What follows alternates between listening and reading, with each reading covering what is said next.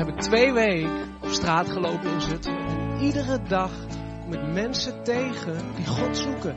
Iedere dag. En alleen maar door op straat te lopen en te zeggen tegen God, hier ben ik. En stuur mij mensen die op zoek zijn naar u.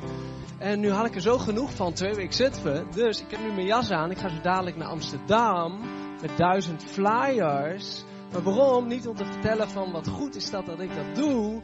Maar, weet je, als je... Uh, gisteren vertelde mijn vader mij een verhaaltje. Hij zegt, het is exact 40 jaar geleden dat ik mijn mooie auto, had een hele mooie auto, dat hij die had verkocht. Helemaal had opgegeven om met dat geld op reis te kunnen gaan, een zendingsreis naar Israël. En daar heeft hij mijn moeder ontmoet. En vanwege die keuze ben ik hier nu. En toen vertelde ik hem dat het voor mij acht jaar en vijf maanden geleden is dat ik tot geloof ben gekomen. En gek genoeg, dat besefte ik gisteren, eigenlijk exact hetzelfde heb gedaan. Ik had ook alles wat mijn hartje begeerde. En ik had een huiswerkinstituut. En een detailtje is dat ik per maand netto meer dan 3500 euro verdiende met 4 uur werken per dag. En waarom vertel ik dat? Ik had een heel relaxed leven kunnen leiden. Hier in Zutphen alles kunnen hebben wat ik wilde. Maar ik heb het opgegeven om met God op pad te gaan. En weet je, ik heb alles opgegeven wat mijn hartje begeerde. En God heeft er alles voor teruggegeven. En weet je, het is zo geweldig als je met God gaat. En ik verkies het om in mijn eentje met God op pad te gaan. Anderen doen het als gezin of met z'n tweeën op de bijbelse, bijbelse manier. Maar weet je, ik vind het zo heerlijk om alleen met God te gaan. En geen afleidingen te hebben. En alleen naar zijn stem te luisteren. En er gebeuren er zulke gave dingen. En ik zal in drie minuten drie verhaaltjes vertellen. Um, want overal waar je heen gaat, gaat God met je mee. Ik was één keer in Israël en toen ontmoette ik zes vrouwen uit Amerika die deden een Bijbeltour. En die waren in Tel Aviv en ik had ze allemaal mooie verhalen verteld. Vervolgens gingen zij naar Jeruzalem toe. Maar ik wist niet waar ze heen gingen. Ik had verder niks meer met ze te maken. Twee dagen later ging ik ook naar Jeruzalem. En toen liep ik op straat en toen sprak God in mijn hart. Ga richting Christchurch. Dat is aan de andere kant van de stad. Maar ik moest die kant op naar een dienst. Of daarheen naar de Olijfberg. Dat waren mijn plannen. Maar ik moest die kant op. Dus ik liep die kant op. En ik zei tegen God, nou, daar ben Amen. Oké. Okay.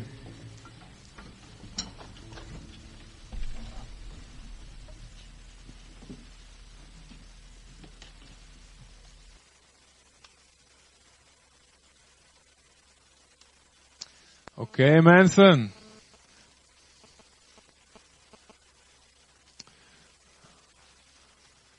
Sommigen van jullie al heel erg sip kijken. Zo van, waar is de collecte? Waar is de collecte? Nou, die komt zo.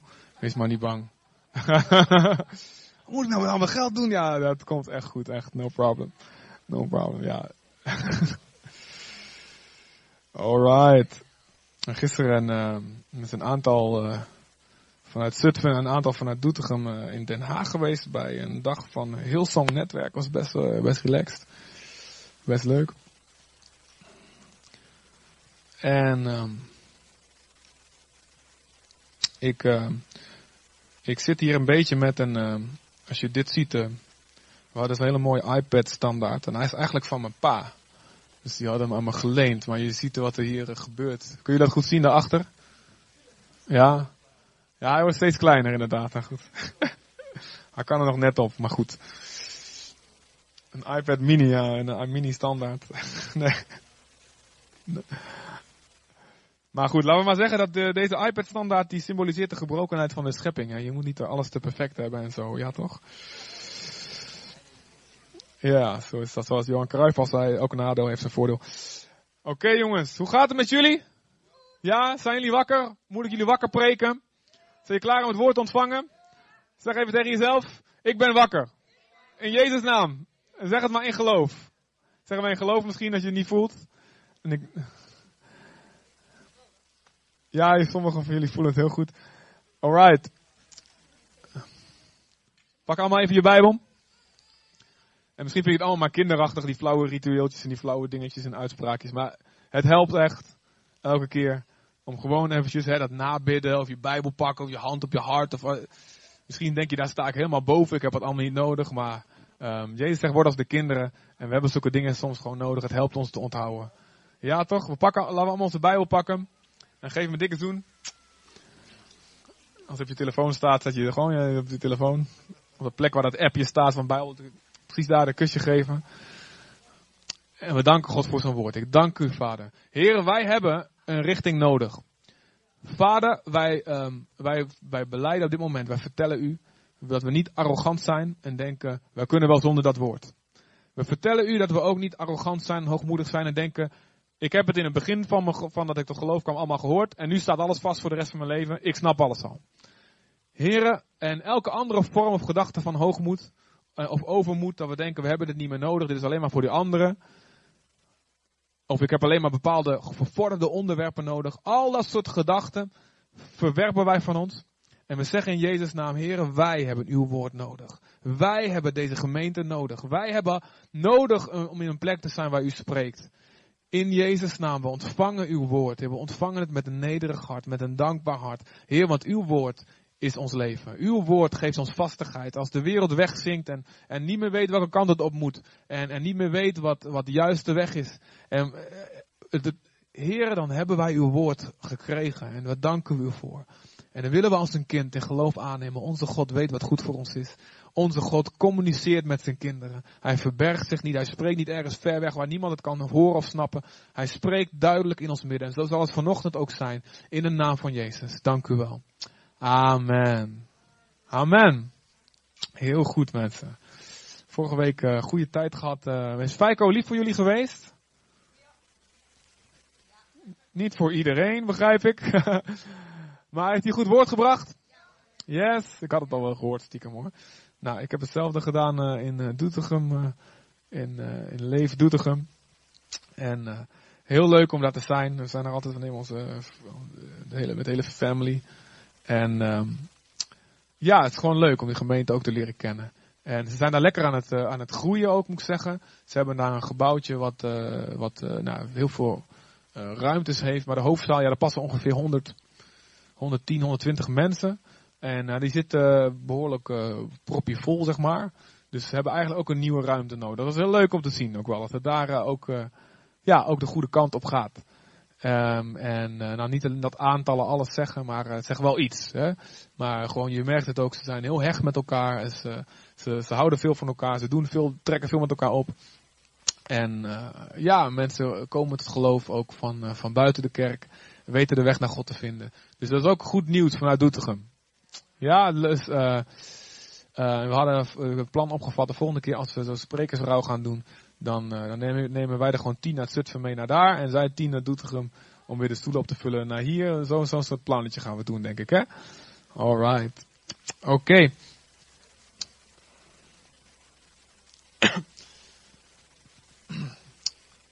Oké, um, ik heb, um, het is alweer, uh, denk ik, twee, drie weken geleden uh, gesproken over Romeinen 1 en 2. Wie weet dat nog? Wie weet er nog iets van? heel bemoedigend nou weer al die handen massaal. Um, en um, ik uh, wil vandaag daar, daar eigenlijk op doorgaan. Ik heb het over, over gehad, uh, over iets wat heel moeilijk is voor uh, mensen tegenwoordig. En dat is, Jezus is de enige weg naar God. En het is een boodschap die, zoals ik vorige keer ook begon, um, die door heel veel mensen als kleingeestig wordt opgevat. En uh, ja, hoe kan, nou, hoe kun je nou claimen dat je de enige weg naar God hebt en dat uh, jij het beter weet dan de rest? En wat is dat voor arrogantie en een soort westerse superioriteit? Uh, terwijl de meerderheid van de christenen inmiddels al lang niet meer westers is en blank, maar gekleurd hè, in Afrika en Azië, Latijns-Amerika. Maar goed, um, mensen hebben daar moeite mee en de algemene gedachte is dan toch, nou, Um, jongens, er zijn meerdere wegen naar Rome, er zijn meerdere wegen tot God. En je hebt een olifant en die een die, uh, die voelt een slurf en de ander voelt een poot en de ander voelt zijn huid en de ander zijn slagtand. En iedereen zegt, uh, God ziet er zo uit, maar eigenlijk hebben ze allemaal gelijk. En zo, zo is het ook met de religies. Hè. Zulke verhalen hoor je wel eens. En, en de Bijbel is heel duidelijk, heel stellig. Er is geen enkele andere naam onder de hemel door wie we gered kunnen worden. Dat is Jezus. Jezus zegt, ik ben de weg, ik ben de waarheid en het leven. Niemand komt tot de Vader dan door mij. Iedereen die door een andere deur binnenkomt, behalve dan door mij, die is een dief en een rover. Zegt Jezus. Hij is heel exclusief daarin. En um, het is belangrijk dat we met z'n allen snappen, ehm, ook al geloof je het al lang, waarom het zo is. En ehm, eh, de brief van de Romeinen dus is een heel goed, eh, ja, heel sterk middel eigenlijk om dat over te brengen. Maar het is een brief die nogal moeilijk te begrijpen is. Ehm, en eigenlijk wat Paulus daar in het kort zegt eh, in het begin, hij begint ermee, jongens, iedereen heeft gezondigd. En het heeft voor iedereen de dood tot gevolg. Dat is wat hij zegt. Zowel voor de Joden die de wet van God gekregen hebben, als voor de niet-Joden, die in die tijd, toen Paulus sprak, nog eigenlijk helemaal niks weten. Of nauwelijks iets weten van de God van Israël, de enige God. Iedereen, met of zonder de wet, zal verloren gaan als ze het vertrouwen op hun eigen daden. Als ze vertrouwen op hun eigen werken. Als we allemaal zeggen, maar God, ik heb 60% van mijn leven het goed gedaan. Dan, zullen we allemaal erachter komen, dit is niet genoeg. Het is hetzelfde als naar een politieagent. Weet je wel, als jij door rood rijdt en die politieagent die stopt jou. Ja, maar heer, ik wou ik zeggen. Dan krijg je te veel bid. Nee, wat een vrome uitspraak. Eh, meneer agent, maar ik heb de vorige tien stoplichten heb ik netjes gewacht, weet je wel. Oh, oh ja, oké, ga maar door dan, weet je wel. Ik, moet de eerste agent nog tegenkomen. Of heeft iemand ooit zoiets meegemaakt? Ja. Dus, God zegt eh, in de Romeinen heel duidelijk, iedereen heeft gezondigd. En iedereen weet diep van binnen ook, dat, iedereen weet diep van binnen twee dingen staan in Romeinen 1. Iedereen weet diep van binnen dat God bestaat. En de vorige keer over gehad, dus luister maar terug. Iedereen weet hoe diep van binnen dat God bestaat. En iedereen weet ook dat ze de dood verdienen om hun hart wat, waar onrecht in zit. Nou, dat is heel moeilijk om met jezelf te leven, om dat voortdurend te beseffen. Dus wat doet een mens om zich met, een beetje met zichzelf te leven? We zoeken rechtvaardiging of excuses voor onszelf. Waarom het toch allemaal niet zo erg is. En luister, God snapt dat wij zo werken. Hij snapt dat, maar hij wil ons laten zien dat er een uitweg is uit, dit, uit deze gevangenis. Als je niet gelooft dat God goed en genadig is en wil vergeven, is het heel moeilijk om onder ogen te zien, ja, ik verdien. Ik verdien de dood, ik verdien het oordeel, ik verdien straf. Als je, als je geen genade kan verwachten, ja, dan ga je rechtvaardiging zoeken voor jezelf. Maar God wil ons laten zien, jongens, eh, God wil eigenlijk door zijn genade ons de moed geven te erkennen, ja, inderdaad. Ik ook, ik heb ook de dood verdiend om wat ik doe. En die moed krijg je pas als je weet dat er een God is die belooft je te vergeven. En zo is het hoe het werkt. De goedheid, de genade van God. Het doel daarvan is om ons tot die bekering te brengen. Dat we zeggen, oké, ja, God, uw woord heeft gelijk. Ik, ik heb iemand nodig die in mijn plaats sterft aan een kruis. Ik heb iemand nodig die in mijn plaats de straf draagt, anders dan ben ik geweest. En Paulus wil met de brief van de Romeinen wil iedereen op dat punt brengen. Nou, ik wil kijken naar, ehm, naar een verhaal in Handelingen 10. Handelingen 10. En dat is het verhaal van Cornelius. En Cornelius was, terwijl ik even wat inschenk voor mezelf. Cornelius was een Romein.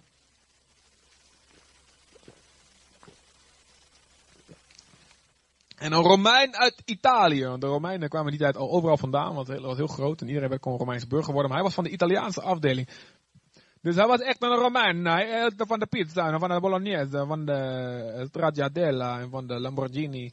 En wat heb je? Quattro stagioni, formaggi, curabaginti. Yes. Dat is zo'n echt een Italiaan, dus hè. Uh, Oké.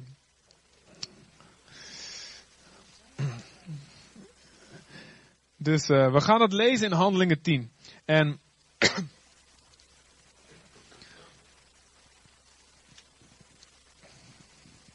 ja, het is een beetje kleine letters, maar uh, als je het niet kan lezen moet je om genezing bidden. Heer, genees mijn ogen. Psalm 108. Um, kan ik dat lezen? Nee. Handelingen 10. Handelingen 10. Vanaf eh, vers 1 beginnen we. Ja, oh, dit is een. Yes, handelingen 10. Oké. Okay. Een van de inwoners van Caesarea was een centurio van de Italiaanse cohort, die Cornelius heette.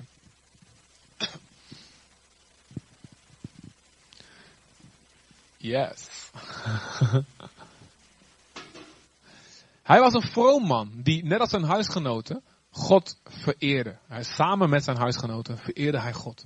Dus let even op, ik wil eventjes niet te snel hier doorheen gaan. Dit is een Romein die God vereert. En de Romeinen in die tijd vereerden normaal gesproken ten eerste de keizer als een god. Maar daarnaast Jupiter, Saturnus, uh, Mars, uh, allerlei uh, goden.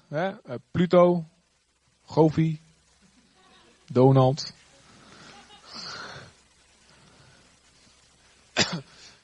Maar deze Cornelius is dus tot geloof in God gekomen.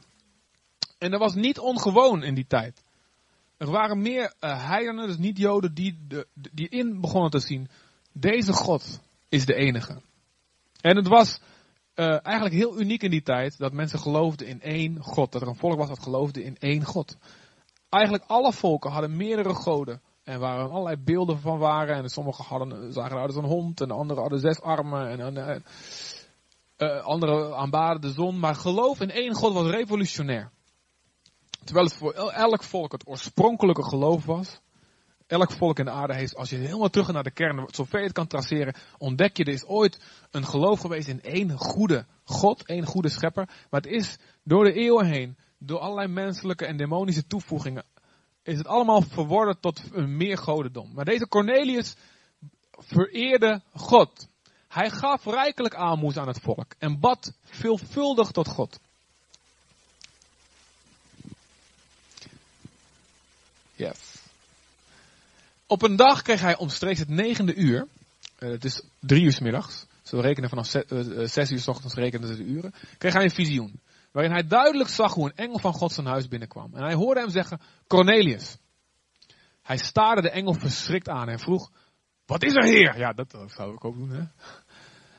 De engel antwoordde, je gebeden en aalmoezen zijn door God als offer aanvaard. Um, nou, we hebben vijf hebben we gemist. Volgens mij moeten we nog even terug. Je gebeden, je gebeden en je aalmoezen zijn door God als offer aanvaard.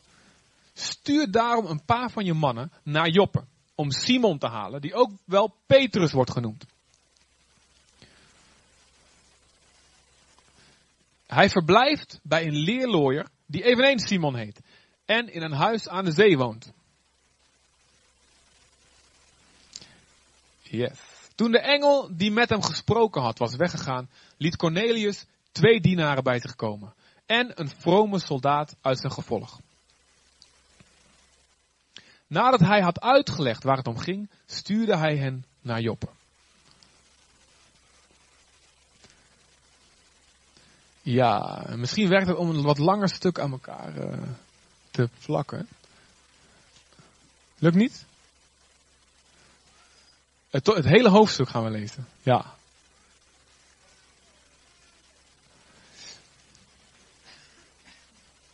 Sorry? Anders, als iemand mij zijn nieuwe Bijbelvertaling kan geven, dan uh, lees ik hem ondertussen gewoon vanuit de tekst. Is dat goed, u mensen? Ja? Yes, alright. Oké. Okay.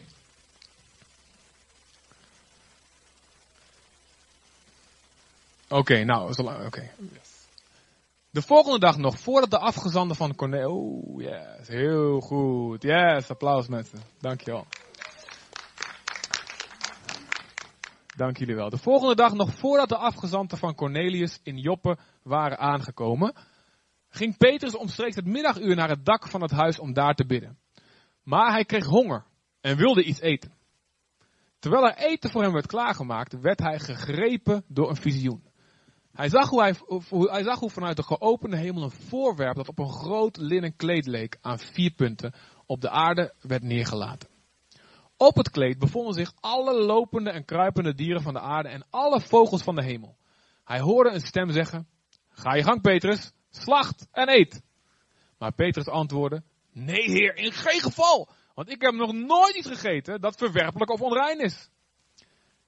De Joden mochten dus uh, bepaalde dieren wel eten en bepaalde dieren niet eten. In Leviticus staan uitgebreide uh, wetten daarover geschreven. En Petrus had zich tot dit moment altijd daaraan gehouden. Nou, in de evangelie had Jezus al een keer eerder, staat er al een keertje eerder, Jezus verklaarde alle spijzen rein. Erg, op een gegeven moment zegt hij dat. Heeft over, joh, niet wat je mond ingaat, dat maakt je onrein, maar wat je mond uitkomt, weet je wel. Wat uit je mond, dat is, en daar staat het specifiek bij, Jezus verklaarde hiermee alle spijzen, alle voedsel, verklaarde hij hiermee heilig. Betekent niet dat alles per se gezond voor je is. Hè. Varkensvlees is gewoon op het algemeen een stuk ongezonder. Maar, um, Jezus had het dus al gedaan, maar Petrus zat nog steeds, uh, ja, hield zich nog steeds aan de voedselwetten. En in een visioen ziet hij dus een groot laken uit de hemel. Het is interessant dat hij een visioen krijgt terwijl hij honger heeft. Hij heeft honger, hij wil eten. En er wordt eten klaargemaakt. En dan komt waarschijnlijk die geur, die komt dan uh, bovenop dat dak. En, en het is grappig dat hij dan tegelijkertijd een visioen krijgt over allemaal eten, weet je wel. Dus ik denk ergens dat God daar het natuurlijk en het geestelijke heeft doen samenwerken, zeg maar. Dus hij krijgt, oké, ga je gang Peter slacht en eet. Maar Petrus antwoordde, nee heer, in geen geval, ik heb nog nooit iets gegeten dat verwerpelijk of onrein is. En voor de tweede maal hoorde hij de stem, wat God rein heeft verklaard, zul jij niet als verwerpelijk beschouwen. Tot driemaal toe hoorde hij de stem en direct daarna werd het voorwerp weer in de hemel opgenomen. Petrus vroeg zich verbijsterd af wat de betekenis kon zijn van het visioen dat hij had gezien. Juist op dat moment arriveerden de afgezanten van Cornelius bij de poort. Nadat ze overal navraag hadden gedaan naar het huis van Simon. Dus zie hoe specifiek God gesproken heeft tot die Cornelius. Eh, je moet naar dat huis gaan aan de zee. Daar woont iemand die heet zo en zo. En dan moet je iemand halen die heet dit en dat. En deze verhalen hoor je nog steeds uit, uit verschillende plekken in de wereld. Um, ik heb gehoord verhalen uit Noord-Afrika waar mensen eigenlijk niks weten van Jezus. En, en, en Jezus verschijnt ze in een droom, in witte kleren. En, en die zegt, ga naar die en die straat, daar woont die en die zendeling en die zal je meer vertellen over de weg. Want ik heb gezien dat jij op zoek bent naar de waarheid. Is dat niet mooi? Er zijn echte verhalen. En ze komen echt bij bosjes, met name ook uit het Midden-Oosten tegenwoordig. Dus dit soort dingen herhaalt God op dit moment. Terwijl wij hier erover praten, herhaalt hij dit soort wonderen. Dus, ze hadden overal navraag gedaan naar het huis van Simon. Ze trokken door geroep de aandacht van de bewoners en vroegen of Simon Petrus in dit huis verbleef. Terwijl Petrus nog nadacht over het visioen, dus Petrus zat op het dak nog steeds, zei de geest tegen hem, er zijn hier drie mannen die naar je op zoek zijn. Ga meteen naar beneden en ga zonder aarzelen met hen mee, want ik heb hen gezonden. Zij wisten nog niet dat die mensen beneden waren. God zegt, ga naar beneden. Petrus ging naar beneden en zei tegen de mannen, ik ben degene die u zoekt. Wat is de reden van uw komst?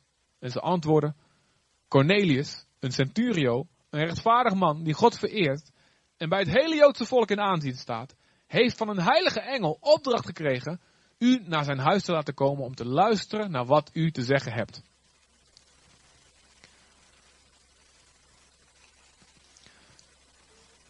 Ehm, nee, dat is uh, eh, 23 tot 30 moeten we nog hebben.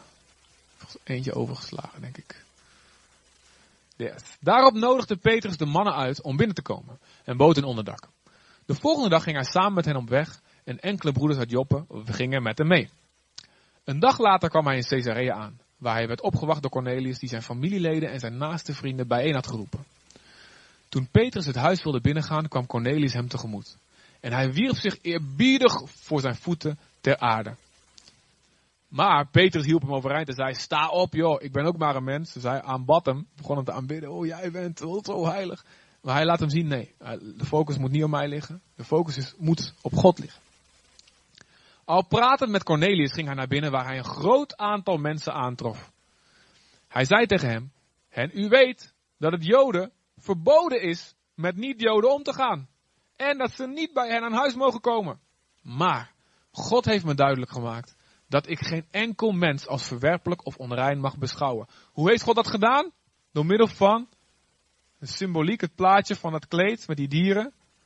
En Peter zat te denken, wat betekent dat toch? Ik mag, ga op, sta op, slacht en eet. En wat God rein verklaard heeft, mag jij niet meer als onrein noemen. Wat betekent dat toch? En dan komt op dat moment, komen dus die Romeinen die hij dus als onreine, vieze buitenlanders zag. Waar je niet mee mag eten, niet mee mag samenkomen. En hij wist, dat betekent dat visioen. Wauw. Dus op die manier had God hem duidelijk gemaakt, joh, ga gewoon naar binnen en vertel ze. En dit was dus revolutionair, want het evangelie was tot dit moment, Jezus was, uh, nadat Jezus naar de hemel was teruggegaan, was het evangelie gebracht in Jeruzalem, in, in Samaria, en onder allemaal mensen die officieel Jood waren geworden. Maar het was nog nooit verteld aan de niet-Joden, die dus niet besneden waren en, en niet, niet, aan de wet van Mozes zich hielden. Dit is dus de allereerste keer, dus dit was zo belangrijk, dat Petrus een doorbraak kreeg in zijn gedachten. Dat dus ook gewone heidense niet-Joden, dat die ook, dat je daar gewoon mag vertellen. Het is een ontzettend belangrijk moment in de kerkgeschiedenis. Zonder dit visioen van Petrus op het dak zaten wij hier niet. En was deze bioscoop gewoon leeg en aan het wachten tot de volgende film zou beginnen. Als de westerse beschaving überhaupt overleefd had. Goed, dat is een andere vraag. Maar dit is een ontzettend cruciaal moment in de hele geschiedenis van de mensheid. Dit visioentje. Deze Cornelius. Eén man die als Romein zijnde God ging vereren. En luisterde naar wat hij in zijn hart, wat God, wat God in zijn hart sprak, zelfs voordat hij tot bekering kwam. Dat God dit doet en dit visioen geeft. Super cruciaal. Anders waren we allemaal nog van die barbaren in, uh, in, in rokjes misschien die elkaar zat, uh, af te slachten. Nou goed, ik weet niet hoe het gelopen zou zijn. Maar cruciaal moment. Het is belangrijk om dit te beseffen. God heeft me duidelijk gemaakt dat ik geen enkel mens meer als verwerpelijk of onrein mag beschouwen. Daarom heb ik me niet verzet toen ik naar u toe werd gestuurd. Mag ik weten waarom u mij hebt laten komen? Cornelius antwoordde, vier dagen geleden zat ik op dit, zei ik op ditzelfde moment in mijn huis het namiddaggebed. En het staat in de herziende staatsverklaring, hij was aan het vasten. Toen er opeens een man in, het stralen, in een stralend gewaad voor me stond. Die me als volgt toesprak. Cornelius, je gebed is verhoord en God heeft je aalmoezen aanvaard. Stuur daarom iemand naar Joppe en om Simon, die ook Petrus genoemd wordt, te laten komen. Hij verblijft bij Simon de leerlooier, in een huis aan zee. Ik heb meteen een paar mannen naar u toegestuurd en het is goed dat u gekomen bent. We zijn hier ten overstaan van God bijeen om te luisteren naar alles wat u door de Heer is opgedragen. Oké, dacht Petrus. Daarop nam Petrus het woord en zei, nu begrijp ik pas goed dat God geen onderscheid maakt tussen mensen, maar dat Hij zich het lot aantrekt van iedereen uit welk volk dan ook, die ontzag voor Hem heeft en rechtvaardig handelt. God heeft aan de Israëlieten bekendgemaakt dat Hij door Jezus Christus het goede nieuws van vrede is komen brengen. Deze Jezus is de Heer van alle mensen. U weet wat er in heel het Joodse land is gebeurd. Hoe het begon in Galilea. Hij zei dus, jongen, je weet, je weet zelf. Je weet zelf. Hè? Je weet wat er gebeurd is. Je weet wat er gebeurt. Iedereen wist ervan wat Jezus gedaan had. Hij hoeft het niet uit te leggen. U weet zelf. Je weet zelf. Waar was ik ook weer? Deze, u weet wat er in heel het Joodse land is gebeurd. Hoe het begon in Galilea. Hoe God na de doop, wat toen Johannes opriep, Jezus uit Nazareth met de Heilige Geest heeft gezalfd en met kracht heeft bekleed. Hij trok als weldoener door het land en genas iedereen die in de macht van de duivel was. Want God stond hem bij. Amen. Dat is trouwens het kenmerk van iedereen die net als Jezus gezalfd is met dezelfde geest. Oké. Wij zijn de getuigen van alles wat hij gedaan heeft. In het land van de Joden en ook in Jeruzalem. Zeker, ze hebben hem gedood door hem aan het kruishout te hangen. Maar God heeft hem op de derde dag weer tot leven gewekt en hem aan de mensen laten verschijnen. Niet aan het hele volk, maar aan enkele getuigen die daartoe door God waren aangewezen. Aan ons namelijk. Plus nog 500 anderen, zegt Paulus.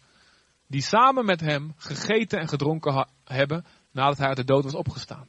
Hij heeft, Jezus, Jezus heeft ons opgedragen daarvan getuigenis af te leggen.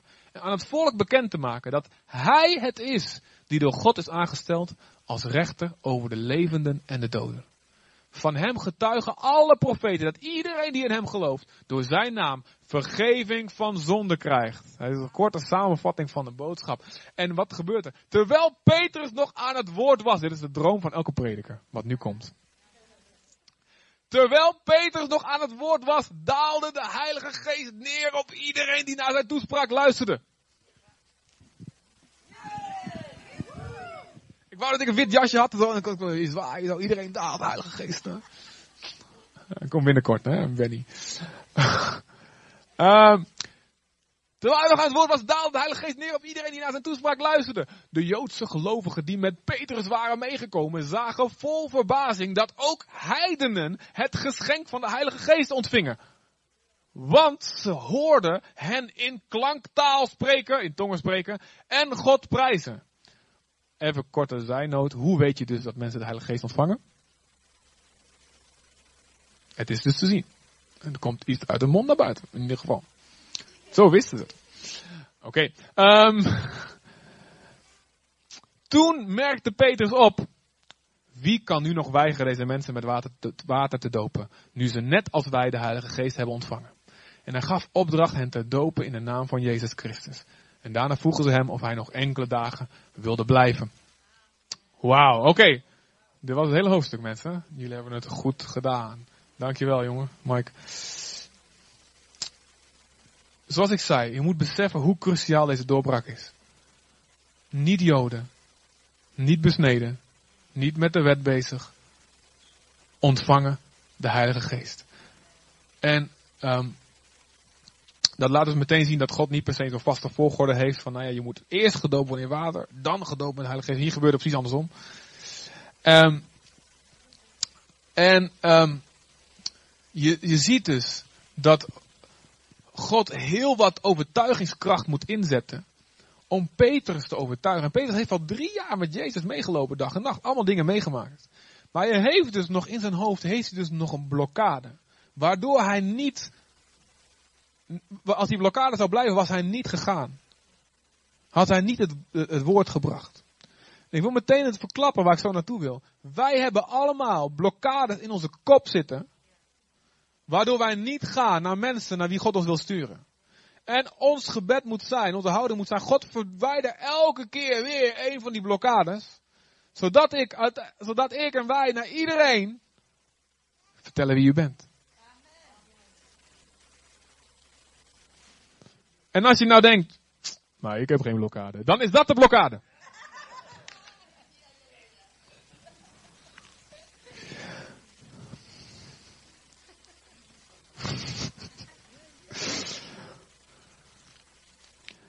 En je ziet dus dat hier de doorbraak begint. En hierna, nou je moet, er gebeurt wel wat hierna. Um, want Petrus komt dan terug. En dan komt hij terug in Jeruzalem. En iedereen helemaal in rep en roer. Wat heb je gedaan? Heb je, heb je heidenen gedoopt? Heb je die Romeinen, die vieze bezetters, die nazi's? Die Duitsers, die, heb je die gedoopt? Die varkens, varkeneters. En dan vind ik wel heel mooi wat er gebeurt. Want Peter gaat heel geduldig. Hij staat, hij ging het in goede orde, ging iets allemaal uitleggen van half hoofdstuk 11. Weet je, sommige mensen zeggen, als, als ze dan, er gebeurt iets goeds, en, en, en God werkt door ze heen en de Heilige Geest valt en er gebeuren wonderen, mensen komen tot geloof. En er zijn er mensen die dan kritiek hebben. Ja, maar dat heb je niet verkeerd, op de verkeerde manier gedaan, je hebt niet de goede woorden gebruikt, niet en En, en, en, en, en soms als je dan onvolwassen bent, terwijl God je net gebruikt heeft, kun je nog onvolwassen zijn. Dan zeg je, ah, stelletje kritische mensen, ga allemaal aan de kant en ik ga gewoon, uh, weet je wel, die stomme kritische Terwijl Peter zie ik hier, hij zegt nee, oké, ik, ik begrijp dat je het moeilijk vindt. Hij komt er net zelf ook uit die gedachte. En dan gaat ze in goede orde gaat hij ze uitleggen. En weet je, die mensen die kritiek, kritiek hadden, die worden overtuigd zeggen je hebt gelijk. Wij zien het nou ook in. En iedereen gaat, gaat mee in het nieuwe denken. Iedereen gaat mee in een nieuwe wijnzak. In een nieuwe... Ah. Maar ze hebben nodig dat Peter even die geduld neemt en ze uitlegt. als mensen niet snappen wat God door je leven heen doet, Ga niet meteen zitten, zitten, zitten nou, boos en wegjagen en, en, ze in de hoek zetten. Je bent van de duivel al die dingen. Maar dan geef ze eerst wat begrip en wat tijd. En, en we hebben allemaal soms moeite met dingen. En, en ga inleven in elkaar. En leg ze uit. En misschien wil God jou gebruiken hun ook mee te krijgen. Heel mooi hoe Petrus dat doet. Maar goed, wat, ik, wat je hier ziet in dit verhaal, dit hele hoofdstuk, Cornelius, is Gods liefde voor alle volken. Gods liefde voor alle volken. Want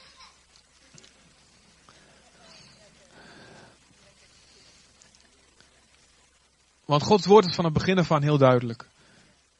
Alle mensen, alle volken gaan verloren als ze niet verzoend worden met God door middel van een offer. Door middel van een offer wat God aanvaardt. In Genesis 6, als de zonsvloed, vlak voor de zonsvloed komt, dan zegt God, de Heer zag dat de slechtheid van alle mensen op aarde groot was. Dat alle gedachtenspinsels van hun harten elke dag alleen maar slecht waren. Wauw. En toen zag, toen zag God de aarde en zie, zij was verdorven. En alle vlees, alle mensen hadden een verdorven levenswandel op aarde. Dat is een hele heftige boodschap. Alle mensen hebben een verdorven levenswandel. Oh, wat is dit voor een kerk? Wat is dit voor een donderpreek? Wat is dit voor een, dit een ouderwetse boodschap? Ik kan het niet, uh, ja, ik kan het wel iets mooier maken, maar het is belangrijk dat we beseffen. Ieder mens heeft Jezus nodig. Maar de vraag die dan opkomt is, waarom heeft God zo lang gewacht met Jezus te sturen als Jezus de enige weg was? Waarom heeft hij al die volken dan hun eigen wegen laten, gaan? Waarom heeft God niet bij hun ook ingegrepen? In, wat, hoe zit het met al die mensen die voor Jezus geleefd en gestorven waren? Hoe zit het met die mensen? Nou, we zien hier als je kijkt naar Cornelius, ten eerste zie je het hart van God. God weet dat Cornelius het niet kan weten. En God ziet dat Cornelius doet wat hij kan doen. Gelooft wat hij kan geloven. Maar God zegt ook erbij, ik heb, ik heb je hart gezien. Maar het is nog niet af. Er moet nog een boodschap bij gebracht worden. Die engel had ook kunnen zeggen, het is goed, je bent aanvaard, weet je wel, hartstikke welkom in Gods gezin. Nee, er moet het evangelie moet gebracht worden. De boodschap moet nog gebracht worden. Snap je dat? Het boodschap moet nog gebracht, de boodschap moet nog gebracht worden. Dus ga daarheen en daar is Petrus. Een instrument door God helemaal klaargemaakt voor dit moment. En als de boodschap gebracht wordt, meteen komt daar geloof hun hart. Ze waren helemaal klaar. Bam, Heilige Geest komt over iedereen. God verlangt. God, God verlangt dit te doen. Nu ook. Nog steeds. Bij mensen. In verre landen. In jungles en in rieten rokjes. Maar ook in de jungles van de steden. In, in landen die misschien al het evangelie zogenaamd al de tijd gehoord hebben. Maar jongens, wie heeft echt het evangelie gehoord? Wie heeft echt het nieuws van Jezus echt gehoord? Ook in Nederland. Wie heeft het echt gezien, in actie gezien? Wie heeft echt die kans gehad, volledig om het met zijn volle verstand? Ja, natuurlijk. Allemaal kennen ze God. Allemaal hadden ze, ze hadden het allemaal kunnen weten. Maar er zijn zoveel mensen die wachten. Zoveel Corneliussen die wachten op Petrussen. En dit was ook zo voordat Jezus geboren was. Voordat Jezus kwam. Was God al een zendingsgod. God had al een hart voor de natie. Natuurlijk, hij is de vader van alle volkeren. En moet je eens kijken, want dat beseffen we ons vaak niet. We dachten nou, in het Oude Testament met God alleen met Israël bezig en niet met die andere volken. Maar het is niet helemaal het juiste beeld. Ik, gewoon, ik wil een, een kort rijtje met dingen noemen. God zegt meteen in het begin, uh, in Genesis zegt God tegen Abraham, ik wil dat alle volken gezegend worden door jou heen. Um, de, heb je wel eens gerealiseerd, heb je wel eens afgevraagd, voor mensen die de Bijbel een beetje kennen, waarom moest Israël 400 jaar wachten voordat ze dat land konden innemen? Voordat ze hun beloofd land konden innemen. Waarom? God zegt tegen Abraham, Pas na 430 jaar zullen ze terugkomen. Want voor die tijd is de maat van het onrecht van die Amorieten, van die volken die daar nog wonen, is niet vol. Oftewel, Gods oog was op dat volk en hij wist precies wat ze deden. En hij gaf hun een tijd en hij gaf hun een maat. Hij zegt, jongens, als je over deze grens gaat, dan moet ik je uit het land kicken. 400 jaar had God geduld met dat volk. Zo zie je dat God het met ze bezig was. En toen het maat vol was, toen ze echt te erg werden, en ze iedereen zouden gaan besmetten in de hele, in de hele omgeving. met de slechtheid, met de slechte praktijken die alleen maar erger werden, toen zei God nu afgelopen. Heb je wel eens over nagedacht dat, dit, dat, dat God daar dus, was dus mee bezig? Hij wist dus wat ze deden. En heeft dus waarschijnlijk, dat weten we niet, er staat niet veel over geschreven, waarschijnlijk manieren ook gevonden om tot hen te spreken. Kijk eens naar een tekst die net al heel snel in beeld kwam. Nou goed, eh, Deuteronomium 2, vers 20 tot 23. Er staat iets. Toen ik het voor het eerst serieus las, dacht ik, wat? Er staat dat. Um, oh, dit is een andere vertaling. Mom, Ergens in de vierde regel. De tweede helft begin ik. Maar de Heer heeft hen uitgeroeid zodat de Ammonieten zich meester konden maken van hun land en zich daar in hun plaats konden vestigen. Hetzelfde heeft hij gedaan voor de afstammelingen van Esau in de Seir. Um, nou, het is een beetje, de vertaling staat het iets minder goed, maar mag wel even uit beeld. Wat hier staat, dat God heeft niet alleen Israël geholpen hun land in te nemen, hij heeft de Ammonieten geholpen hun land in te nemen. En hij had, heeft ook de Edomieten geholpen hun, hun land in te nemen. Dus vijanden van Israël zijn ze later geworden. Maar er staat hier, hier expliciet, God heeft andere volken geholpen hun oorlogen te winnen. Wat? God was met die volken bezig. In Amos 9 vers 7, daar zegt God dit. Heb ik niet Israël weggeleid uit het land Egypte? En heb ik niet ook de Filistijnen weggeleid uit Kreta? En de Syriërs uit het land van Kir? Wat? God was met, ook al in die tijd al met de volkeren bezig. De profeten, lees Jeremia en, en, en al die, en, al deze, en Ezekiel. Ze profeteerden niet alleen over Israël, ze profeteerden over de volkeren. En God wist precies wat daar speelde. Hij was helemaal op de hoogte. En hij sprak over recht en onrecht onder die volkeren. En in Deuteronomium 4, vers 6 tot 8. Daar, zegt, daar zie je het hart van God. Waarom was God zo bezig met Israël? Waarom wilde hij dat zij, dat zij de wet zouden volgen? Dat zij dus het hart van God zouden pakken? Er staat dit. Leef mijn wetten na, strikt na, dan toont u wijsheid en inzicht. En alle volken die dat zien, zeg even hardop met mij, alle volken, alle volken. Dit is Gods hart. Gods hart is dat, dat alle volken God gaan zien. Let op, alle volken die dat zien en van deze wetten horen zullen zeggen, wat is dat grote volk wijs en verstandig. Want welk volk, hoe groot ook, heeft goden zo dichtbij als wij, Yahweh, onze God, telkens als wij hem om hulp roepen. En welk volk, hoe groot ook, heeft wetten en regels zo rechtvaardig als het onderricht dat ik u nu geef. Oftewel, jongens, leef, het woord wat ik je geef, leef wat helemaal uit. Want mijn hart is dat al die volken dan gaan zien dat ik de enige God ben en al die afgodenbeelden niks kunnen doen voor ze. Zie je het hart, God heeft een hart voor alle volken in deze tijd, dus ook voor Jezus al. Leef dat uit en weet je, het gebeurde ook in sommige momenten. Denk aan Rut, de buitenlander die, de Moabiet, die zich voegde bij het volk van God. Denk aan de koningin van Seba. Die hoorde, want, want onder David en de begintijd van Salomo leefden ze, leefden ze uit wat het hart van God, wat God had laten zien in zijn wetten. En de mensen kwamen van heinde en ver en sloten zich aan bij Israël en zeiden, dit is de enige ware God. De koningin van Seba, die hoorde ervan, die geloofde er niks van. En zei, ja, ja, het zal wel. En dan denken de mensen tegenwoordig ook, het zal wel. Maar ze kwam dichtbij en ze keek naar alle details van het leven van, die, van het volk van Israël, van Salomo. En ze zei, man, ik heb nog niet eens de helft gehoord van wat ik hier zie. Het is echt waar. Dat is Gods hart, Gods wil, dat alle volken gaan komen. En ze horen van die christenen die zeggen, ja, wij hebben het leven, wij hebben de weg, de waarheid en het leven. En dan ze zeggen, ja, ja, ja, laten we even gaan kijken. Laten ze eventjes gaan, gaan, eventjes gaan zitten uittesten. Laten ze even gaan zitten irriteren. Kijk, als we dan nog wel zo lief, maar zo aardig zijn. Weet je, laat ik ze eventjes, hè, eventjes uh, kijken als ik ze prik. En als zij, sorry Daan, jij zit er. En als ze dan zien, wauw, deze mensen, die hebben echt iets van God gesnapt.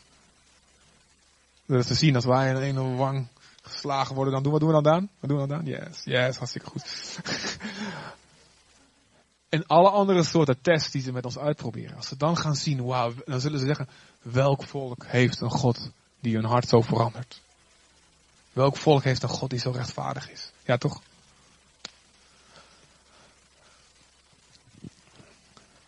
God was al, is altijd al een zendingsgod geweest. Denk aan Jona. Waar ging Jona naartoe? Ja, de walvis. Maar dat was niet zijn eigen bestemming, dat was een transportmiddel, weet je wel, als een cruiseschip. Waar ging hij naar? Naar? Jona, Jona, ga naar. Ik wil niet. Ah, oké. Okay. Nineveh, en Nineveh was de hoofdstad van?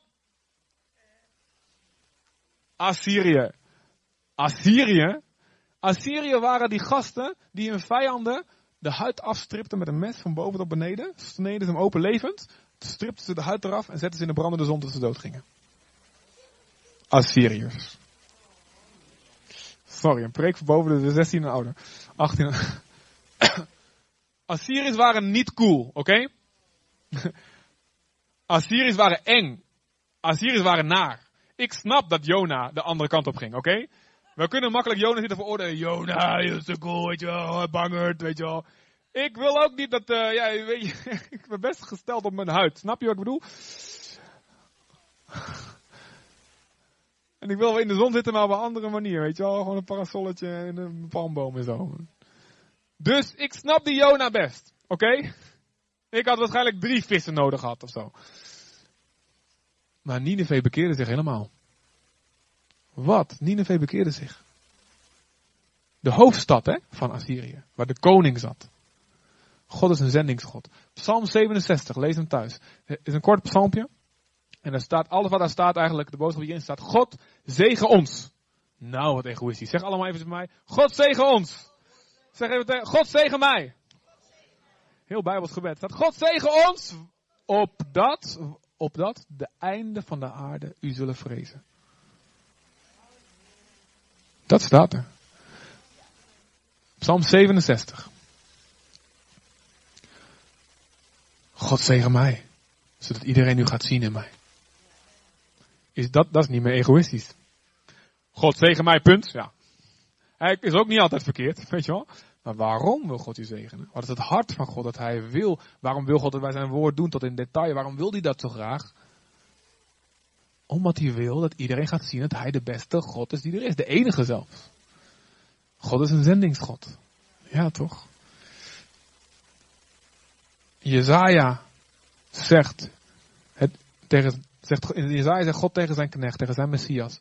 Het is voor mij te gering dat je alleen maar voor het volk van Israël een licht zal zijn. Ik stuur uit tot een licht voor alle naties. Jezaja 42 en 47. En je ziet het gebeuren in de boeken Daniel en de boeken Esther. Zie je het koninkrijk van de Babyloniërs, het koninkrijk van de Persen. Er gebeuren allemaal heftige dingen, maar doordat Daniel en Esther vasthouden aan God, wordt het allemaal een gelegenheid voor God om iedereen te laten zien, ik ben de enige. En in al die boeken, Daniel en Esther, uiteindelijk die koningen gaan allemaal zeggen, ja die Yahweh, die God van Israël, dat is de enige, weet je wel, weg met die andere afgoden. En eentje die gaat zo ver. Iedereen die slecht over deze God spreekt, ik ruk een paal uit zijn huis en ik spiet hem als een saté, weet je wel. Dus worden ze meteen weer heel radicaal daarin. Maar Gods bedoeling is alle volken te bereiken. Ook voor Jezus al.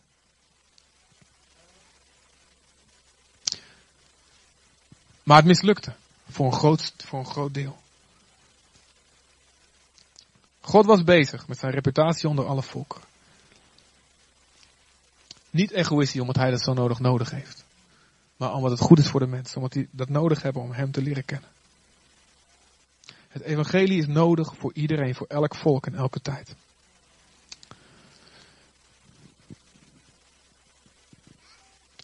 En God is rechtvaardig. God ziet wie er werkelijk naar hem op zoek is.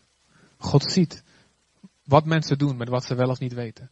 En weet je, ook zelfs bij de mensen die verloren zullen gaan, die geoordeeld zullen worden in de eeuwigheid, daar zal een verschil in zitten. Wist je dat?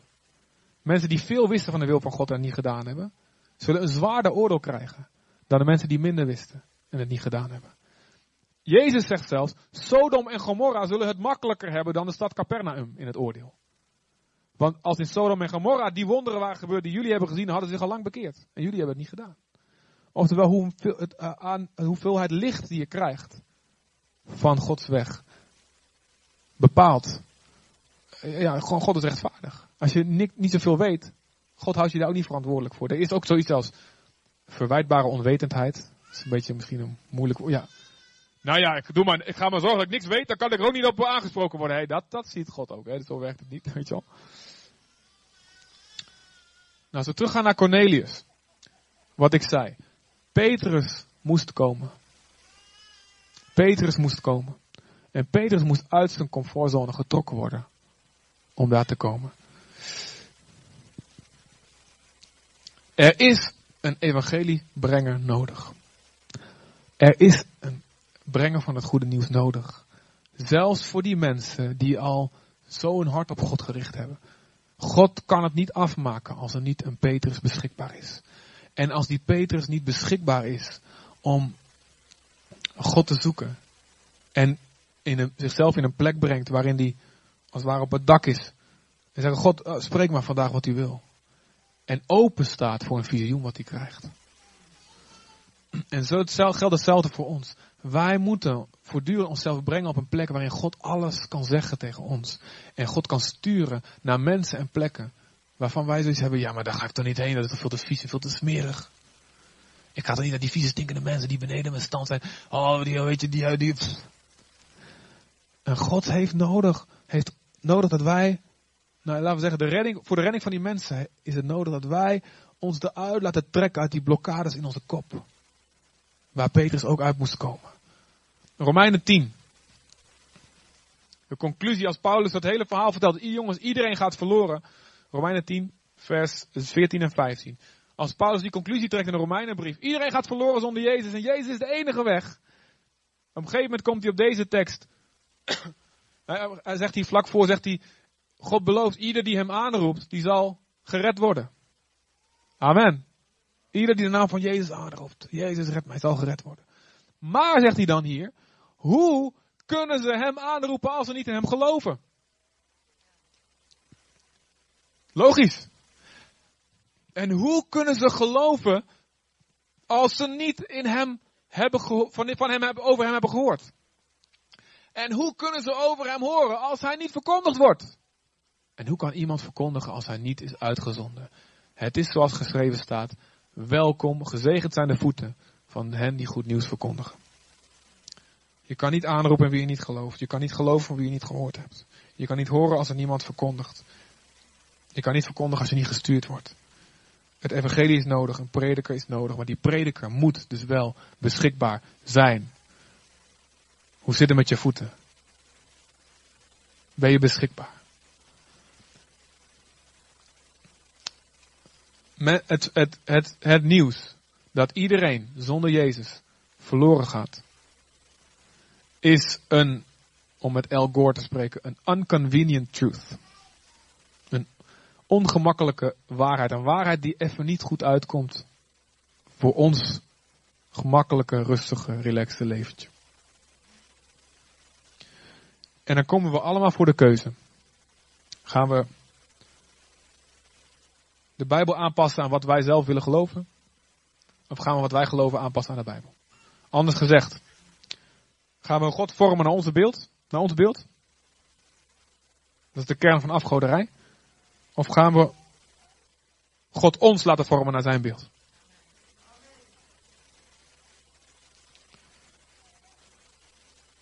Er is een strijd om de gedachten van de zendelingen, van de potentiële zendelingen. Wie is hier allemaal een potentiële zendeling? Ik schrijf jullie namen allemaal op.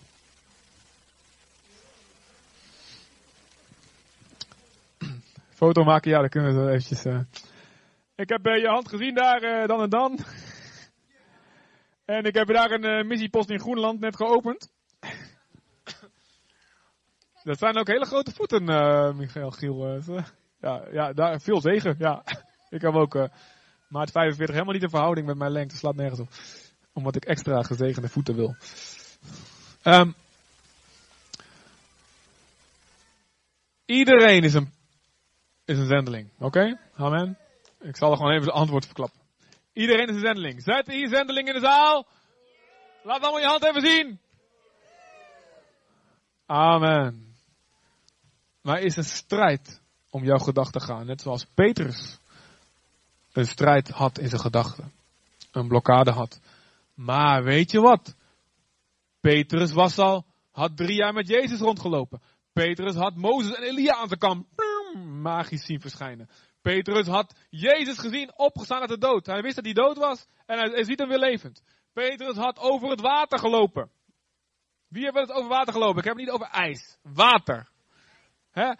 Petrus had gepreekt en 3000 mensen komen tot geloof. Bang! Wie heeft dat meegemaakt?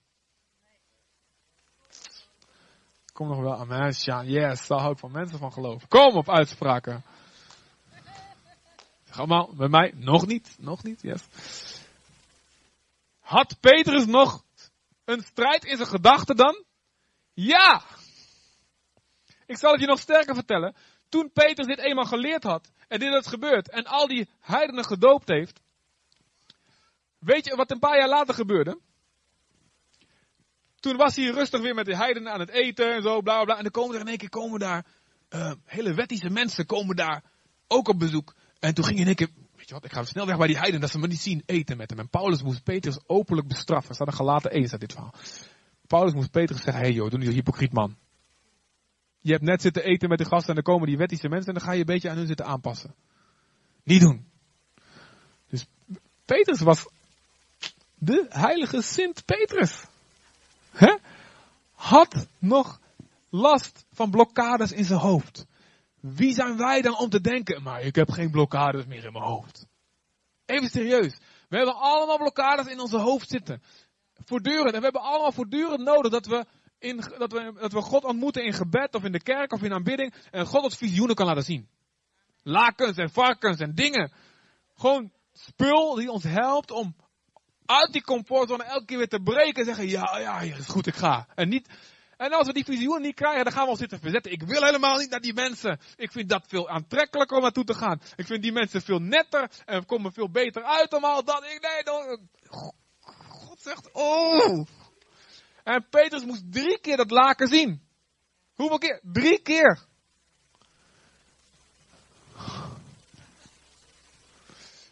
Ik weet niet hoe vaak je dat jou en mij moet laten zien. Misschien 300 keer. Daar word je echt op een gegeven moment zat van. Maar weet je, we hebben, God houdt van mensen. En God zegt, weet je, oké, ik wil ook, ik wil best een comfortabel leven voor, je, voor jou. Maar dat komt, dat komt wel. Dat komt wel goed. Ik wil nu dat je gaat. Ik wil dat je de boodschap brengt. Maar ik ben geen evangelist. Ja, dat is de eerste blokkade die ik aan moet spreken. Niet iedereen heeft de gaaf van evangelist. Ah, klopt, echt waar. En niet iedereen is meteen zo blablabla bla, makkelijk en bij de bakker en uh, zegt, oh een broodje. Oh ja, trouwens, Jezus maakt ook broodjes. Ja, ben je al gered, weet je wel? Ja. Niet iedereen is zo. Ik snap dat en God, God en dat is helemaal geen probleem. Maar er zijn mensen die alleen jij kan bereiken. Ook jij met een niet-evangelistische gave. En dan wat rustig. Iedereen heeft nodig jouw stukje van Gods beeld te zien. Wat alleen door jou heen getoond kan worden. Iedereen kan gebruikt worden daarvoor. Ben je bereid God elke keer die blokkade in je kop te laten weghalen? Ben je, breng je jezelf op een plek, op, breng jezelf op het dak in gebed. En dan God kan komen, bang, hier is je visioen. Je volgende opdracht te vervullen. Er zijn heel veel dingen in onze gedachten en de duivel zet er hard op in, jongen. Als hij ons kan verlammen, dit niet te, te doen. Als de duivel ons kan verlammen, dan weet hij, oké, dan, kan ik, dan kan ik lekker de, de rest van de wereld naar de hel laten gaan.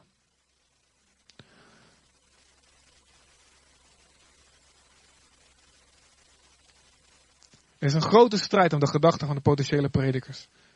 Allerlei gedachten. Het is niet nodig. Ze kunnen via andere wegen ook wel gered worden, toch? En de Bijbel zegt duidelijk, dit is een leugen.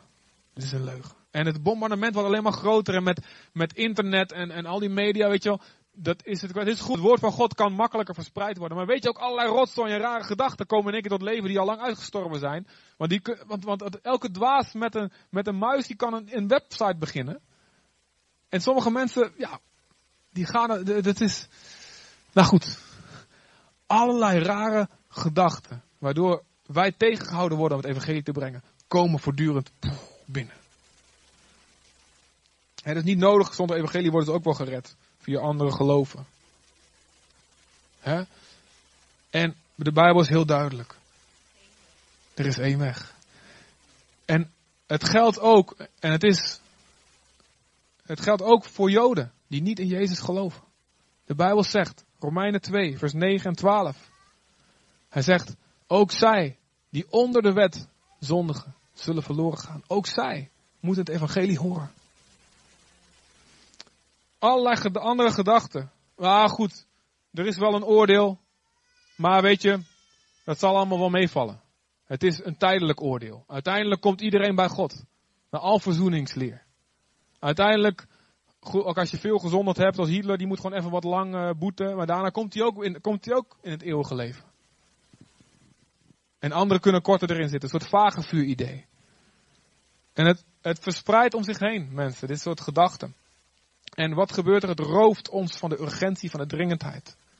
Van het brengen van het nieuws. Of nou goed, er is wel een oordeel, maar ja, mensen houden dan gewoon op te bestaan. de zeven dag Adventisten, Jehovah's getuigen en ook een aantal anderen, die, die verkondigen deze leer. Die zeggen van ja goed, het is gewoon een, oké, je hoort, ja goed, je hebt geen eeuwig leven, bam, einde, weet je wel. En, en er, de Bijbel spreekt heel duidelijk dat iedere ziel onsterfelijkheid in zich heeft. Dat het oordeel eeuwig is.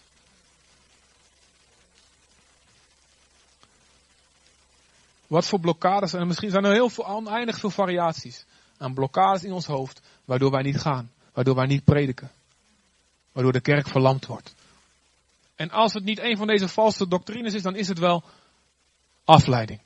Dus je zo druk maken met je zorgen, dat je niet bezig gaat met, met de opdracht van God. En God, God snapt dat. Maar God wil je helpen. Jezus zegt, joh, laat je niet afleiden. Kom bij mij, ik wil die zorg van je wegnemen. Gooi ze op mij. Ik, ik zal je laten zien dat je betrouwen hebt voor al jouw dagelijkse zorgen. Maar ga jij maar, wees maar een soldaat in mijn dienst. Ik zorg voor je.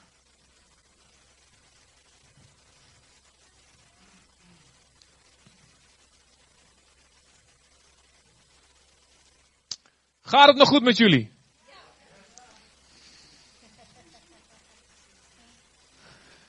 God is een zendingsgod. God wil je boven natuurlijk leiden. God wil je boven natuurlijk tot je spreken. Alles wat je precies nodig hebt. Hoe vaak heb ik het niet meegemaakt? Dat ik achteraf erachter kom. Weet je, dat wat ik. Dat wat ik vorige week. Ik, in één keer moest ik aan iets denken. Ik dacht gewoon aan mijn eigen gedachten. Ik begon iets te denken en ik, en ik dacht, oh, ik ga opzoeken in de Bijbel en ik las een tekst. En dacht, oh, dat is een interessante tekst. Goh, wat moet ik daarmee? Wat moet ik daarmee? En een paar dagen later kom ik, in een, kom ik ergens. En dan kom in een situatie die gewoon ontzettend niet te redden was. En precies die tekst. Red de hele situatie. Red een gezin. Red een gezin op een goede weg te blijven. God wil, net als bij Petrus, weet je wel. Hij wil dat je spreken. Hij wil je leiden. Ik kan hier heel veel voorbeelden van noemen. Maar ik denk dat we allemaal weten dat God dit doet. Staan je voeten bereid? Zit er een blokkade in je kop? Laat Gods liefde voor de volken, voor alle volken die hij door de eeuw heen al gehad heeft, laat die overspringen op ons. Laat ons hart vol gebed zijn voor alle volken. We maken wel eens grapjes over van ja, en in je gebed laten bidden we voor Zimbabwe en Botswana en al die landen. Maar, maar het is eigenlijk best goed om dat gewoon eens te doen. Ga eens naar een site, operationworld.org. Ga daar eens kijken, er staan allerlei statistieken. Operationworld.org. Dan google je gewoon Operation World. En er zijn alle statistieken over geloof. En hoeveel evangelische en pinkster christenen er zijn in, per land. En hoeveel onbereikte groepen er zijn. Ga je eens interesseren voor datgene waar God in geïnteresseerd is. Bid je voor ze. Hey, steun je. Lokale gemeentes, zendelingen. Steun je Gods koninkrijk. Zowel hier als over de grens, allemaal. Allemaal één missie. Bid je voor ze. En ben je bereid om zelf te gaan? Ja, ja, hallo, ik zit hier rustig, ik heb alles voor elkaar, ik ben alles verzekerd en alles goed, weet je wel. En als God zegt, hey, ga naar Cornelius. Alleen hij is niet twee dorpjes verder, maar twee continenten. Die heeft misschien een, een, een profetie gehad. Een woord, een engel. Moet je er wel zijn.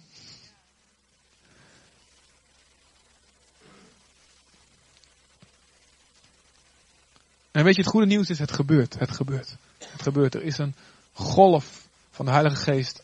Al meer dan een eeuw gaande. Al daarvoor is het ook al begonnen natuurlijk. Maar de doorbraak is al meer dan een eeuw. Een golf van de Geest van God. Over de hele wereld gaat over alle continenten. Over alle continenten. Afrika van, van ik weet niet, ik heb dat ergens. Van 9 naar 380 miljoen christenen in 100 jaar.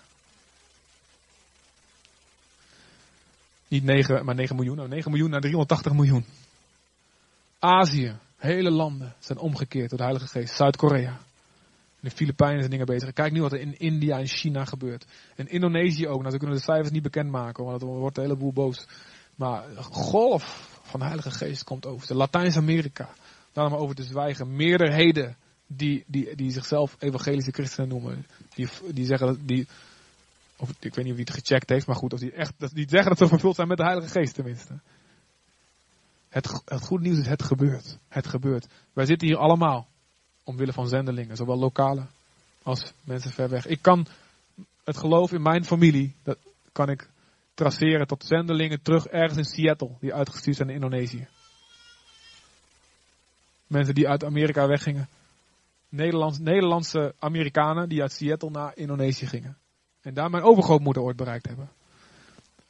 En ik ben opgebouwd in een gemeente gesticht door Zweedse zendelingen. Die van Zweden naar Nederland gingen. In Deventer. We hebben allemaal ons leven te danken aan deze mensen. We zijn allemaal Cornelissen. Die ons leven te danken hebben aan Petrus. Ga je er eentje worden van iemand anders. Door je, door je mond open te trekken. Of door je portemonnee te trekken. Of door je, je knieën uit te vouwen en te gaan bidden. Door beschikbaar te zijn. God is een zendingsgod. Een God voor alle volken. Het evangelie is de enige weg. Jezus is de enige weg. Gods hart is om iedereen te bereiken. Wij hebben de sleutel. De duivel valt ons aan met blokkades in onze kop. Maar als wij dicht bij God leven en bereid zijn voortdurend ons denken te evalueren, zelfs onze favoriete gedachten en doctrines, juist die, dan kan God het gebruiken om de volk te bereiken en zijn hart helemaal in elk volk te laten zien. Ik wil je vragen om het te bidden. Vraag je ogen te sluiten. En ik wil je vragen, um, muziek kom eventjes, help me even mee. Ik wil je vragen om um,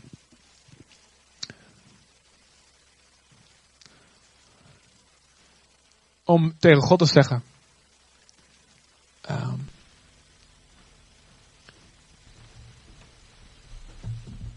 laat me de blokkades in mijn hoofd zien. God, ik leg u mijn wegen voor, ik leg u mijn gedachten voor. Misschien wil God je meteen een visioen geven. Lijkt op het laken, misschien heel iets anders. Vader, ik bid dat u komt en u indrukken wil geven van uw geest. Voor de blokkades die, die ons nog weer houden om te gaan. Om een zegen te zijn.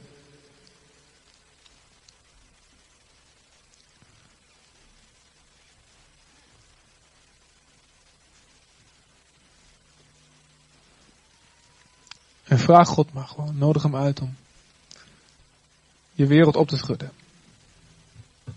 Zeg God, Heer, gebruik me voor de natie. Gebruik me voor iedereen die nodig heeft uw boodschap te horen om gered te worden. Gebruik me voor Cornelius. Laat me een Petrus zijn.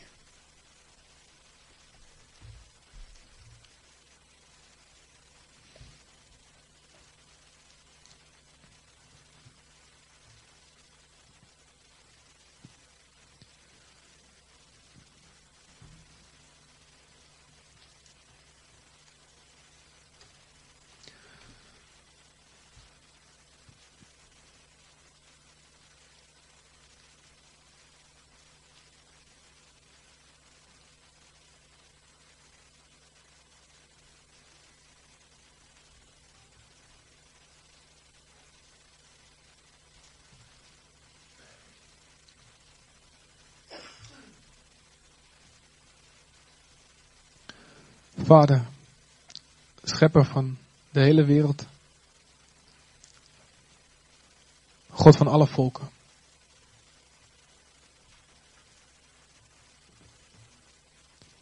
Zegen ons, zodat de einden van de aarde u zullen zien.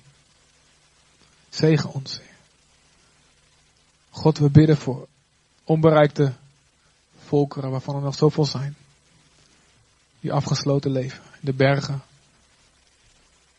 in de bossen. Dat die door de duivel weerhouden worden om het woord te horen, omdat het gewoon verboden is in hun land. Daarover te horen of over te spreken. Vader, we bidden voor uw genade. Voor hun deze mensen. God, we bidden dat u ze, ze boven natuurlijk wil leiden door engelen zoals Cornelius. Maar God, wij bidden ook, Heer. Laten er mensen beschikbaar zijn om het af te maken. U heeft de verkondiging niet overgelaten aan de engelen, maar aan mensen. God, laat er voor iedereen die zoekt, iedereen een prediker zijn. Laat er voor iedereen een wandelende mini-Jezus zijn. U gehoorzaamt en uw beeld laat zien. God, Heer, zegen de volken. Zegen de volken. Zegen de natie, de landen in Afrika. Zegen de volken in Zuid-Amerika. In Noord-Amerika. De Indianenstammen in de Amazone. En zegen de volken in Azië. In het Midden-Oosten. Zegen de Arabieren. Zegen Heer de moslims en de hindoes en de boeddhisten. Zegen de Sikhs. De Taoïsten, de Confucianisten. De Shintoïsten, de Japanners, de Chinezen. De nomadenvolken in Centraal-Azië. Zegen de Russen, zegen de Europeanen. Vader, kom, Heer, zegen de Indonesiërs, de Papua's. Oceanië. De Australische en Nieuw-Zeelanders, zegen, Heer. De volken van Europa. God, Heer, breng predikers, Heer. Breng predikers naar België, naar Frankrijk. Breng predikers, Heer, naar Spanje, naar Italië. Naar Portugal. Naar al deze landen, God. Naar Macedonië, Albanië. Breng predikers, Heer. En naar Lochem. Naar Raalte. Naar Eibergen, naar Neden, naar Haaksbergen. Naar Amsterdam. Naar de Wallen. Naar de stadions, naar de cafés. Naar de huizen, naar de psychiatrische inrichtingen. God, Heer. Kom, Heer. Stuur Petrus naar Cornelius toe. En ik wil je vragen als jij zegt, hier ben ik, Heer, stuur mij om te gaan staan. Zonder al te veel gedoe. Gewoon zeggen, ik ga staan. Kom maar. Heer, hier ben ik, stuur mij. Al is het naar mijn buurman. Of is het naar de Eskimo's. Ga staan. Zeg, Heer, hier ben ik. Heb je handen op. Zeg, Heer, hier- ben ik. Maakt me niet wat het kost. Ik vertrouw dat u me zal, voor me zal zorgen, zal me leiden. Spreek tot me, spreek tot me. Ik wil deel zijn van dit grote plan. Ik wil deel zijn van het masterplan. De God van alle volken. De God van alle volken. Zegen Israël. Zegen uw volk Israël. In Jezus' naam. Red uw volk Israël. Ik bedanken u dat ze in grote getalen de Messias vinden. We bidden dat dit hele volk gered zal worden. Want als zij hun Messias gaan omarmen. Dat zal een opstanding uit de doden betekenen voor de hele wereld. Vader, kom hier. Hier zijn we. Stuur ons, stuur ons, stuur ons, stuur ons. Stuur ons en vul ons, vul ons, Jezus. Heilige Geest. Heilig. Strek je uit naar Hem. O Jezus, gebruik me voor uw plan. Vul opnieuw mijn Heilige Geest van God. Vul opnieuw mijn bodalasia. Vul me met uw liefde voor de volken. Vul me met een zendingshart. God. Zegen ons op het einde van de aarde u zullen vrezen. Oh Jezus, vul mij opnieuw. Haal de blokkades weg. Haal elke invloed van valse leringen weg uit mijn hoofd. Oh God, Heer, ik ben niet overmoedig. We zijn allemaal vatbaar voor valse leringen, voor blokkades. We willen niet overmoedig zijn, maar God, toon ons voortdurend. Toon ons uw weg. Vul mij opnieuw. Vul mij opnieuw.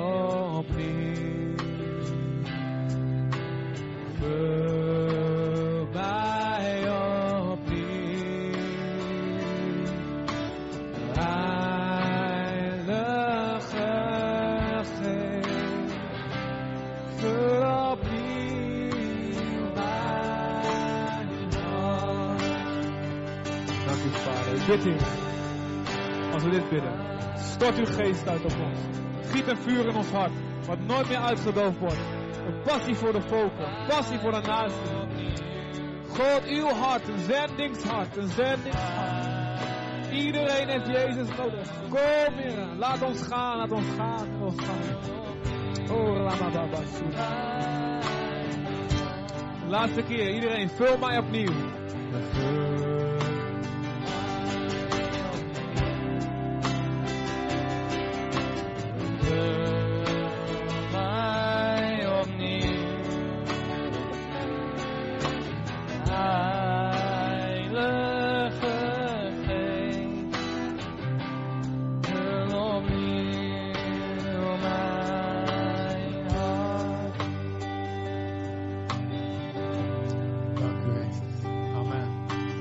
God je spreekt, steek je kop niet in het zand. Maar ook al is het maf en raar, dan geeft je een of ander land waar je nog nooit van gehoord heeft. Bid ervoor. Misschien is het God. Misschien is het echt God. Misschien is het een stap die je nog nooit gezet hebt, waarvan je altijd gezegd, dat past niet bij mij. Bid ervoor. Wie weet is het God. Wie weet is het God. Overleg het. Met wat volwassen mensen, gelovigen om je heen. En we zullen samen met jou de stem verstaan. Stem meestal niet in ons eentje alleen. God wil ons in gemeenschap tot ons spreken. In relatie en verbondenheid. Oh Jezus. Oh Jezus.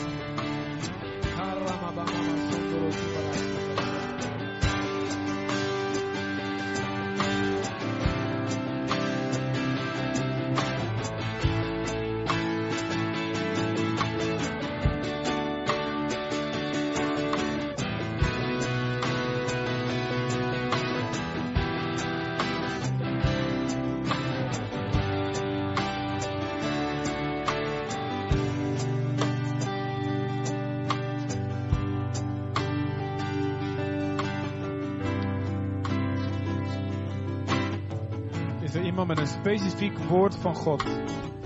Een specifiek woord van God voor iemand bestemd. Het brandt in je hart. En je moet het nu zeggen.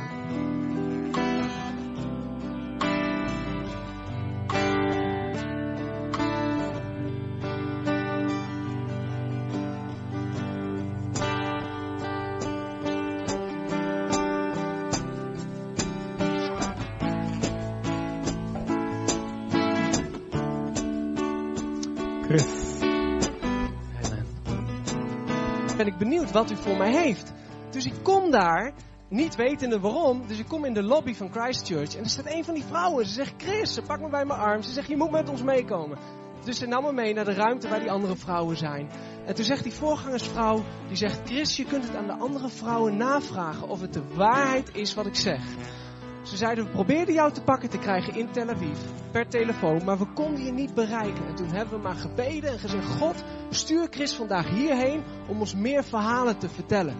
Weet je, en dat is maar één verhaaltje, maar het is zo gaaf, Gods leiding. Dus ik loop op straat en ik luister alleen maar, God heeft u nog iets te zeggen.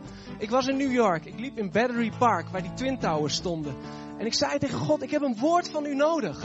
Dus ik liep rond, rondkijkende, wie zal hij sturen om tot mij te spreken?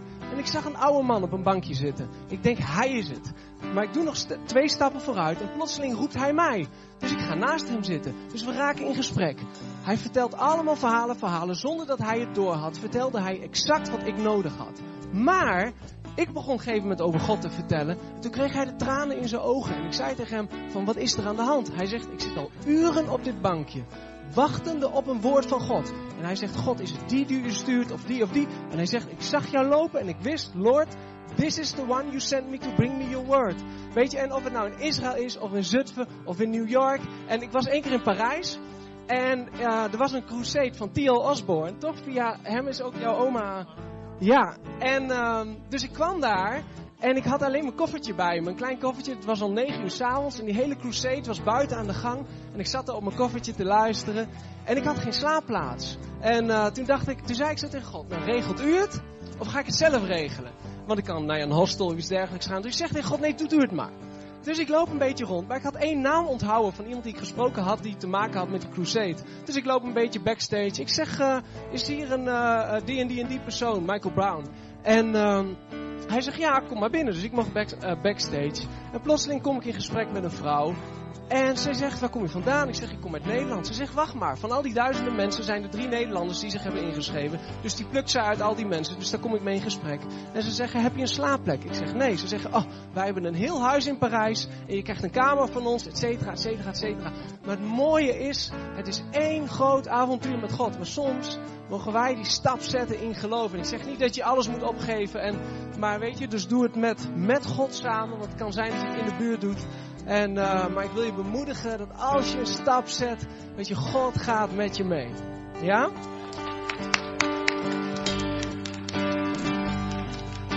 Amen. Alright. Oké. Dan als laatste. Uh, we hebben een briefje gekregen van Feiko voor jullie allemaal. Die lees ik even voor en dan gaan we uh, het offer ophalen. Hij heeft iets bijzonders gedaan vorige week.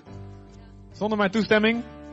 Maar goed, moeten we maar weer toestaan, omdat hij ook een leefvoorganger is. Uh, Oké, okay. uh, lieve gemeente Leefzutphen, dit schrijft Feiko. Annemiek en ik hebben vorige week genoten van jullie... Oh, mag wel door hoor, dat klinkt zo mooi die muziek zo. Word je dan moe? Nee toch? Ze worden echt moe hè? Ja goed. Werk aan hun gehoorzaamheid, dat komt wel goed. Annemiek en ik hebben vorige week genoten van jullie kleurrijke gemeente. Er, zit echt leven in. Wij hopen en willen dat jullie door, mogen en ook kunnen groeien. Er zijn tienduizenden die het leven nog niet hebben. En ronddolen. Op weg naar. Puntje, puntje, puntje. Waar we net over gehad hebben. Hè? Laat het zo zijn dat ze de weg naar leef kunnen maken. Omdat er niet alleen ruimte genoeg is in jullie hart, maar ook in een groter gebouw. Ook daarna amen. En dat er diaconaal ruimte genoeg is om te helpen. Wij bidden jullie toe dat er zoveel liefde voor en van God in jullie hart zal zijn deze ochtend. Om de voorraadkamer van de gemeente te vullen met de overvloed die God jullie persoonlijk heeft gegeven. De Bijbel, God, daagt jullie uit in Malachi. Breng het hele tiende deel naar de voorraadkamer, zodat er voldoende voedsel zal zijn in mijn huis. Probeer het, dan zult u zien dat ik de vensters van de hemel zal openen en een stroom van zegen over u zal uitstorten. Vorige week kreeg ik het op mijn hart om een doorbraakoffer te vragen. Een doorbraak om samen de voorraadkamer te vullen. Zodat heel Zutphen met heel veel E's en verre omstreken voorzien kan worden. En tegelijk dat de vensters open, van de hemel open zullen gaan en er een stroom van zegen over jullie zal komen. Oké. En ik begreep dat hij nog wat ik allemaal machtigingsformulieren heeft laten meenemen en al die dingen. Um, maar um, in ieder geval Um, in de reactie ook op het woord. Uh, het geld wat je geeft aan de gemeente um, helpt om zendelingen te ondersteunen, maar ook lokaal um, mensen vrij te zetten, onder andere uh, ons, maar ook uh, de hoop in de toekomst meer en diaconaal te ondersteunen en het evangelie te brengen aan mensen die verloren zijn. Het is ook, ja, met dit inhoud wil ik jullie vragen gewoon, mogen jullie nu komen om ja, het offer aan de Heer te brengen. Het zij iets wat je thuis al voorbereid hebt. Het zij wat je nu gewoon op je hart krijgt. En dan sluiten we daar de dienst mee af. Amen. Dus jullie mogen nu uh, van harte uh, komen. Vooraan liggen nog meer uh, machtigingsformulieren. Als iedereen dan weer een beetje op zijn plek is, dan sluiten we samen even af. misschien heb je een mooi nummer. Fik.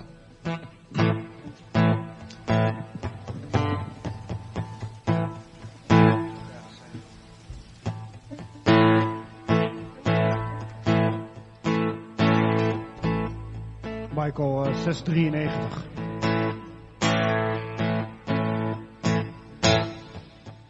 U houdt me vast en geeft me moed om door te gaan als ik niet durf. Ik wil van u zijn.